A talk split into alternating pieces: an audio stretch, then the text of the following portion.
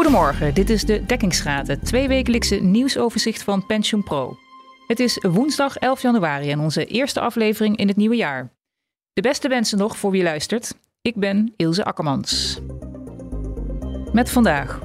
De pensioenfondsen PGB, ING, PostNL en KLM grondpersoneel hebben hun bestaande indexatieafspraken voor 2023 aangepast om deelnemers meer te kunnen compenseren voor de torenhoge inflatie.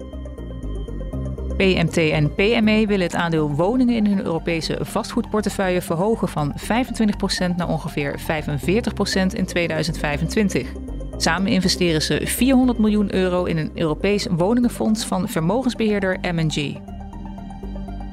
En alle 14 pensioenfondsen die in 2019 het klimaatcommitment hebben ondertekend, hebben eind vorig jaar zoals afgesproken een actieplan ingediend. Een aantal vermogensbeheerders heeft dat nog niet gedaan. Met mij in de studio vandaag zijn uh, Samir van Alfen en Frank van Alfen, allebei redacteur van Pension Pro. Welkom. Hallo. Hallo. Vier pensioenfondsen hebben dus hun bestaande indexatieafspraken voor dit jaar aangepast om deelnemers meer te kunnen compenseren voor de hoge inflatie. Samir, je hebt hierover geschreven samen met collega Jaya Otterhof. Ja, klopt. Goed nieuws natuurlijk voor de deelnemers aan deze fondsen. De eerste vraag die me opkomt is, kan dat zomaar? Uh, nee, dat kan niet zomaar. Die fondsen die moeten daarvoor hun pensioenreglement aanpassen. Of eigenlijk in sommige gevallen sociale partners moeten dat doen. Ja, en het verschilt een beetje per fonds of die pensioenbestuur dat zelfstandig mogen besluiten. Uh, bij pensioenfonds PGB mag het fonds dat zelf doen. Die kan gewoon zeggen van nou, wij willen toch onze indexatieregels aanpassen. Um, ING pensioenfonds mag dat ook. Alleen, uh, ja, zij gebruiken dan eigenlijk meer gewoon een discretionaire bevoegdheid, zoals het met een mooi woord heet, om uh, af te wijken van de indexatieregels. Mm. Dus die past niet echt het reglement aan, maar wijken er meer een beetje van af. Ja, dan heb je een fonds als PostNL, die heeft echt een verzoek gedaan aan de sociale partners van joh, we komen echt een beetje in de knel met die indexatie dit jaar. De, die inflatie is zo hoog. We mogen maar gemaximeerd 4% geven. Uh, ja, kunnen we daar niet wat aan doen?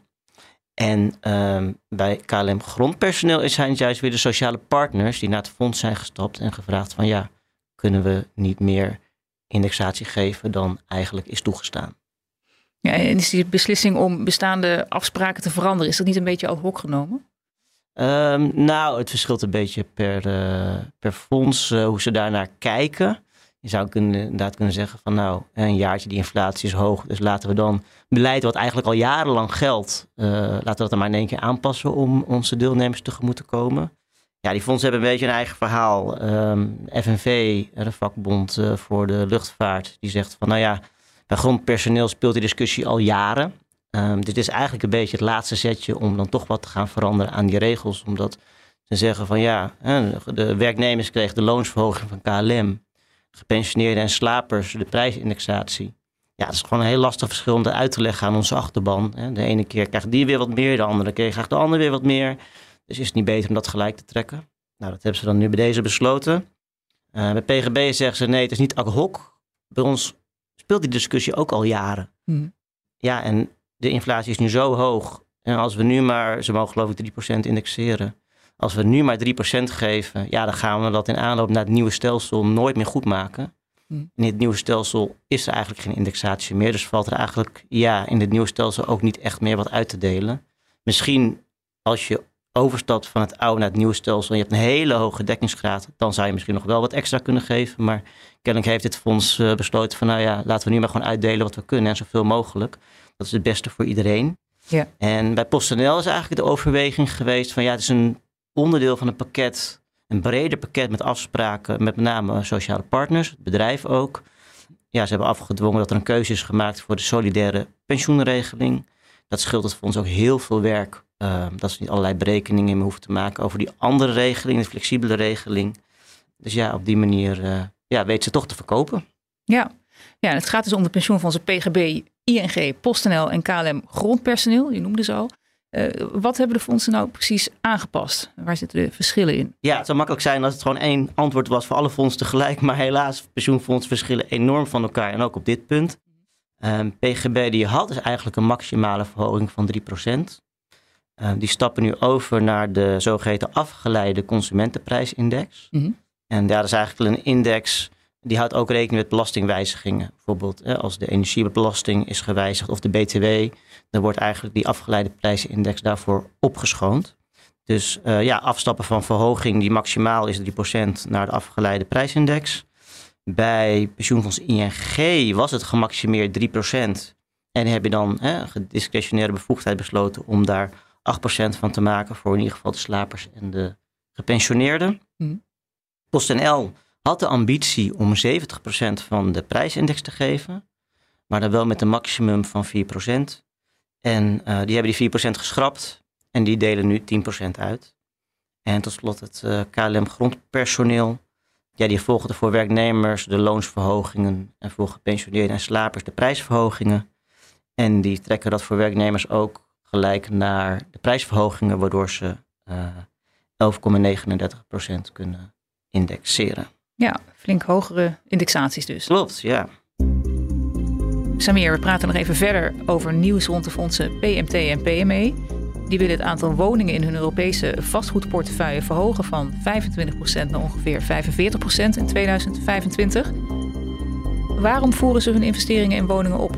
Ja, dat is wel een goede vraag, want over het algemeen is het wel bekend dat pensioenfondsen al heel veel in woningen zitten. Dus je kunt je afvragen, ja, moet het nou nog meer?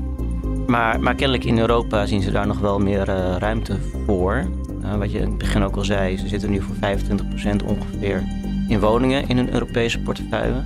Dat willen ze ophogen naar 45%. Ja, en, en aan de ene kant uh, zeggen ze van ja, um, woningen leveren hele stabiele huurinkomsten op, ook op de lange termijn. Zeker ten opzichte van de andere smaak vastgoed, bijvoorbeeld kantoren of, of winkels dan heb je toch het risico dat zo'n pand leeg komt te staan, is groter dan bij woningen. Dus daarom willen ze toch meer in woningen gaan beleggen.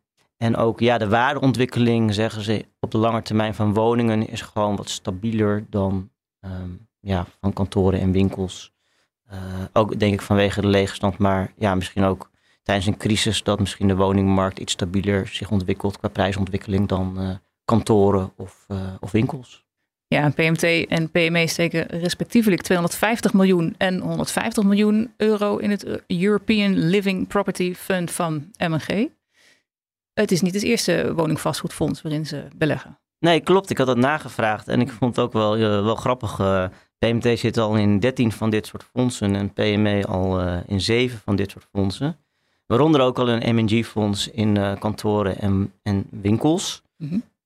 En ook nog drie andere woningfondsen van uh, ja, andere vermogensbeheerders.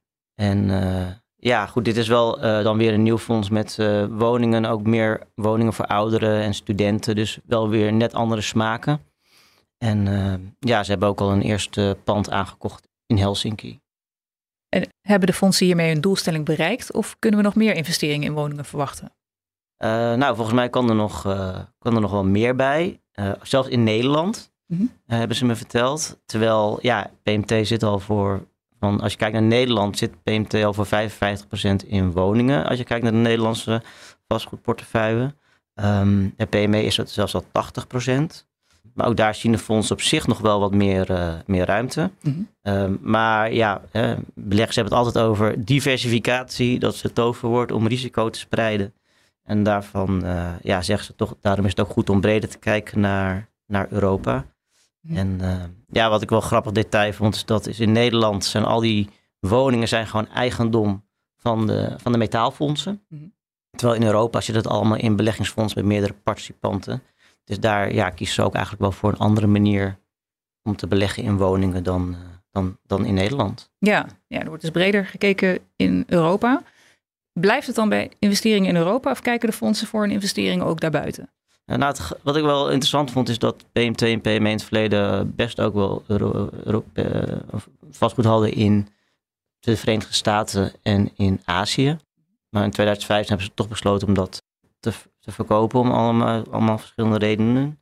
Maar nu zie je toch dat voor PME wel weer gekeken wordt naar Amerika. En er wordt gezegd van ja, de situatie is nu anders dan een aantal jaren geleden. We hebben ook wat meer ervaring met Europa. Het gaat ook om wat veiliger vastgoed dan voorheen. En het past ook wel een beetje in een bepaalde trend, want ik heb twee jaar geleden ook geschreven over Blue Sky Group. Dat is de pensioenbelegger van de KLM-fondsen. Mhm. En die besloten ook om ja, 250 miljoen extra te gaan beleggen in Aziatisch vastgoed. Dus ja, ik denk dat wel meerdere pensioenfondsen nu ook ja, verder de wereld intrekken om een doelstelling op het gebied van vastgoed te behalen. Dankjewel, Samir van Alphen. Ja, graag gedaan. Alle 14 pensioenfondsen die in 2019 het klimaatcommitment hebben ondertekend, hebben eind vorig jaar, zoals afgesproken, een actieplan ingediend. Met het klimaatcommitment wil de financiële sector een bijdrage leveren aan de doelen van het Akkoord van Parijs en het Nederlandse Klimaatakkoord. In totaal hebben 52 banken, verzekeraars, pensioenfondsen, vermogensbeheerders en hun koepels het ondertekend. Frank, je hebt die lijst gezien van ondertekenaars die een actieplan hebben ingediend. Om welke fondsen gaat het dan bijvoorbeeld? Het gaat om een aantal eh, fondsen die op eigen naam ondertekenen en ook een aantal eh, vermogensbeheerders die, waar weer fondsen bij zijn aangesloten. Je ziet uh, eh, APG, nou, daar zit BPF Bouw bij en er zit ABP bij. MN mhm. zit erbij, dat is ook een grote vermogensbeheerder voor PMT, PME en Koopvaardij. En dan zijn er nog een aantal andere fondsen en dan moet ik even spieken. Horeca en catering, PGB, BPL, woningcorporaties, bakkers, schilders, PWRI en het Unilever APF. Ja, een hele lijst dus. Zeker als je bedenkt dat, het, uh, dat er de grote fondsen bij zitten, veel grote fondsen. Dus als je in vermogen kijkt, zijn er dus klimaatafspraken gemaakt voor het uh, overgrote deel van het uh, belegde vermogen. Ja.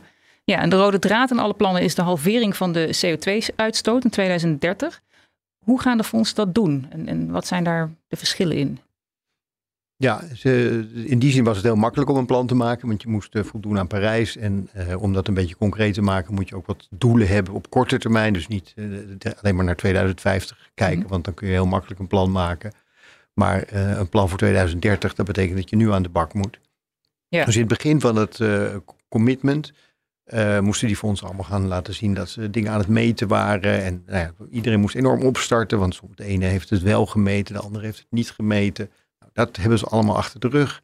En nu hebben ze dus als rode lijn inderdaad die halvering dus van uh, de CO2-uitstoot in 2019. Mhm. Die moet in 2030 uh, gehalveerd zijn. Ja. Maar dat kan op heel veel verschillende manieren.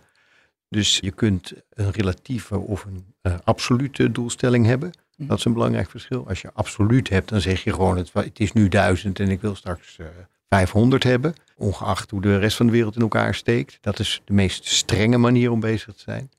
Als je een relatieve uh, maat neemt, dan ga je die uitstoot van CO2 relateren bijvoorbeeld aan een beurskoers of aan de omzet van een bedrijf.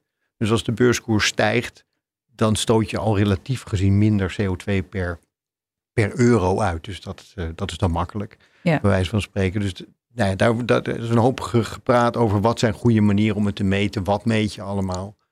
Een ander verschil is de rijkwijde van die plannen. Mhm. Dus over welke beleggingen heb je het? Een enorm portefeuille met beleggingen. Heb je het alleen over de aandelen en vastgoed? Of heb je het over aandelen, vastgoed en ook uh, bedrijfsobligaties, uh, private equity, nou ja, al, al die andere categorieën. Mhm. Dus in de details zitten wel verschillen tussen die plannen. Ja, veel, veel pensioenfondsen hebben het klimaatcommitment niet ondertekend. Hebben die ook een klimaatbeleid? Of wat, wat doen die zullen zonder meer een, een, een klimaatbeleid hebben. Waarschijnlijk zijn dit soort plannen een beetje de maat voor de hele sector. Iedereen kan een beetje spieken van, oh ja, dit zijn plannen die je kunt maken. Daar kan ik mijn eigen plannen op, uh, op aansluiten, want de meeste fondsen hebben wel op een of andere manier gezegd, ja, we willen ook uh, die Parijse doelstellingen bereiken. Dus die zullen dat ook gedaan hebben. Alleen hebben ze zich niet vastgelegd om precies op deze datum een, eh, een plan in te dienen. Ja. Maar ik uh, vermoed dat uh, nou ja, de DNB kijkt, ja, iedereen kijkt hier naar, dat dit wel een beetje de, de, de gang van zaken is die uh, voor het grootste deel van de pensioensector gaat gelden. En Frank, en Frank, heb je nou het idee dat de meeste pensioenfondsen hier nou eigenlijk al aan voldoen? Vooral die grote jongens? Of moeten ze echt wel aan de bak om, om deze doelstelling in 2030 te gaan halen? Ja, er moet echt nog wel wat gebeuren. Ze, ze zitten nog lang niet op die 50% Ze moeten, moeten in elk geval dingen verkocht gaan worden. Dat is de makkelijkste manier. Als je een hele grote uitstoter gaat verkopen, dan, uh, dan, dan, scheelt dat uh, aanmerkelijk. En je moet bij vastgoed moeten ze bijvoorbeeld selecteren op, op panden die zo min mogelijk uh, CO2 uitstoten. Dus er zijn echt nog een aantal stappen die gezet moeten worden. Maar sommige zijn inderdaad al, al enigszins op streek. Die zijn al, ja, het is natuurlijk niet, voor, zeker voor de grote fondsen, helemaal gelijk in. Die zijn al heel lang bezig met het klimaatbeleid en het verlagen van die CO2-uitstoot.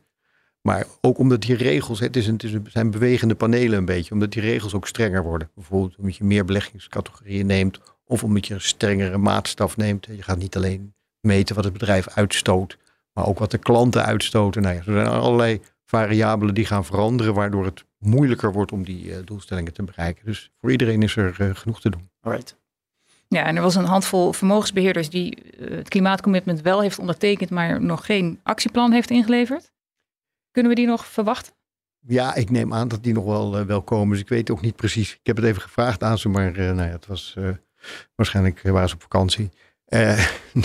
ik weet even niet. vakantietijd. ja, maar, maar goed, het zijn grote vermogensbeheerders en die zijn ook met klimaat bezig. Dus zullen zeker wel, wel plannen hebben. Dus dat, dat gaat er zeker aankomen. Ja, het was nog een voortgangsrapportage van KPMG. Er was een voortgangsreportage over 2021. Nou ja, dat is lang geleden. Dat, dat ja. zal wel. Belangrijker is dat er sowieso over dit hele project nog een, uh, soort evaluatie komt van, van heeft dit nou geholpen en, en in hoeverre is het allemaal goed gegaan? Want er zijn ook afspraken gemaakt waar moet zo'n plan voldoen. Maar ja, dat moet ook nog bekeken worden of die plannen wel voldoen aan alle, alle eisen die gesteld zijn. Dus er, er komt nog een evaluatie die wellicht nog nieuwe inzichten gaat bieden over de kwaliteit van de plannen. En wie doet die en wanneer uh, komt die? Komt uh, ergens in het voorjaar volgens mij en dat zal ook KPMG doen, vermoed ik. Dankjewel, Frank van Alphen. Dit was de dekkingsraad van PensioenPro met de laatste ontwikkelingen in de Nederlandse pensioen- en beleggingssector. Op pensioenpro.nl lees je meer. Wij zijn benieuwd wat je van deze podcast vindt. Laat het ons weten op redactie.pensioenpro.nl. Fijn dat je luisterde, we wensen je een fijne dag en tot over twee weken.